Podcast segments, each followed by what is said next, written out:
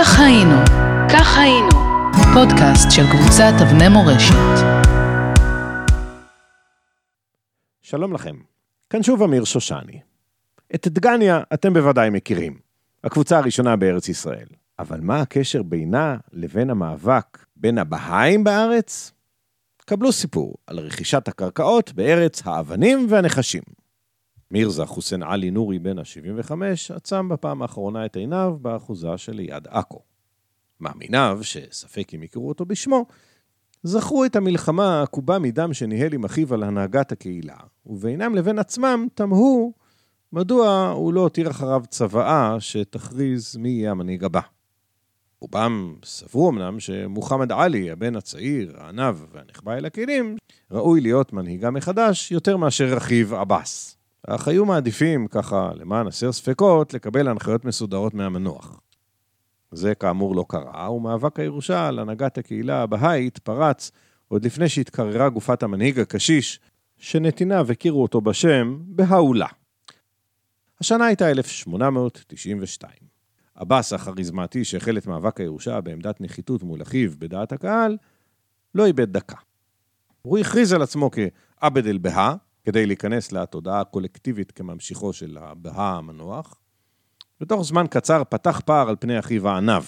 או אז הוא הכריז חרם על אחיו ותומכיו, והשלים בכך את ההשתלטות המהירה על הקהילה הבהאית כולה.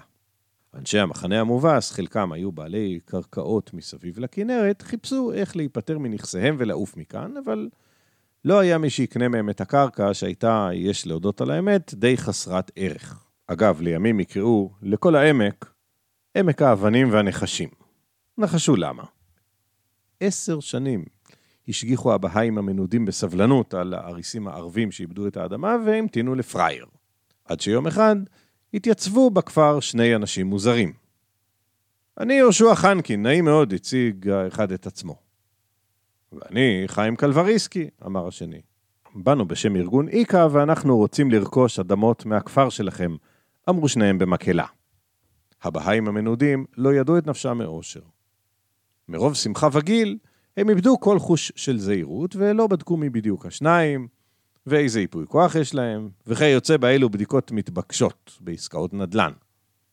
אילו הם היו בודקים, הם היו מוצאים למשל שיהושע חנקין, כן כן, זה שאתם מכירים, הסתבך כמה שנים קודם לכן בעניין משפטי מטריד שכלל טענות נגדו על הונאה, לא פחות, משיכת כספים מנאמנות שלא כדין, ואי מילוי התחייבויות כלפי רוכשי הקרקעות.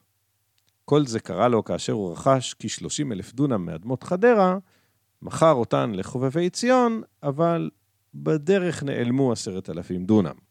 ממש לא מישהו שאתם רוצים לעשות איתו עסקת נדל"ן, אם יורשה לי. אבל זה עוד כלום. אילו הם היו בודקים את השני, חיים קלבריסקי, הם היו מגלים שהבחור פועל על דעת עצמו. ארגון איקה, שבשמו הוא פועל פה, לא ידע על אותה פגישה בכלל, שהתקיימה זה עתה. ולקלבריסקי בעצם לא היה כל ייפוי כוח לרכוש את האדמות עבור הארגון באותו מקום. אבל אה, קלבריסקי וחנקין דיברו ערבית, הם היו נחמדים, הם עשו רושם מצוין. וכששאלו מי ערב לרכישה, אמר קלבריסקי, אני ערב.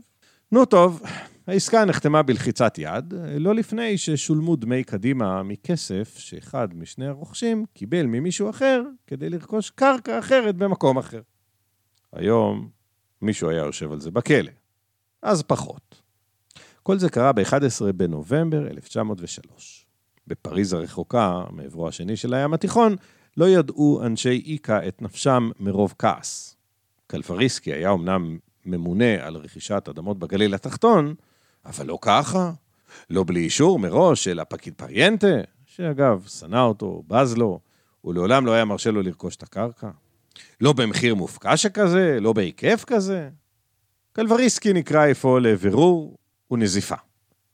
על כמה דונמים התחייבת? שאלו אותו בדאגה אנשי איקה. על 14 אלף דונם, השיב להם קלבריסקי במנוחה. כל אדמות השבט דלייקה וחצי מאדמות הבהאים. אבל רק אלו ששייכים לבהאים המנודים. האדמות ששייכות למשפחת אה, עבד אל-בהא לא עומדות למכירה, ולכן לא יכולתי לרכוש גם אותם, הוסיף. הקודקודים היו בהלם. הם עברו על המפות וחששם אומת לחלוטין. רוב האדמות כלל לא התאימו לחקלאות, מה שהפך את מחירן למופקע פי כמה וכמה. אתה תשלם על האדמות מכיסך, הם אמרו לו, לקלבריסקי.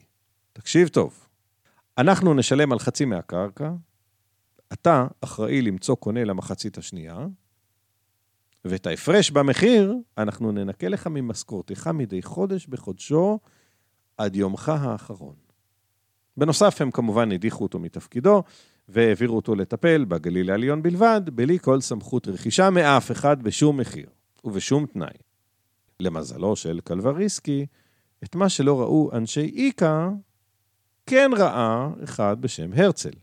כך קיבל זלמן לבונטין, מנהלו האגדי של בנק אפק, שאח זה פתח סניף ביפו, הוראה מהבוס לרכוש את האדמות עבור ארגון צעיר יחסית, הקרן הקיימת לישראל. למרות שאף אחד בארגון הצעיר לא ידע בדיוק מה לעשות עם האדמות האלה, כן?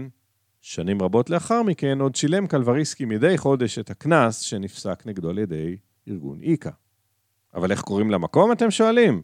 ובכן, לכפר הבהאי קראו אום ג'וני. לעמק שבו הוא נמצא קראו ארץ האבנים והנחשים. שבע שנים לאחר מכן, הוקמה על האדמה הזו קבוצת דגניה.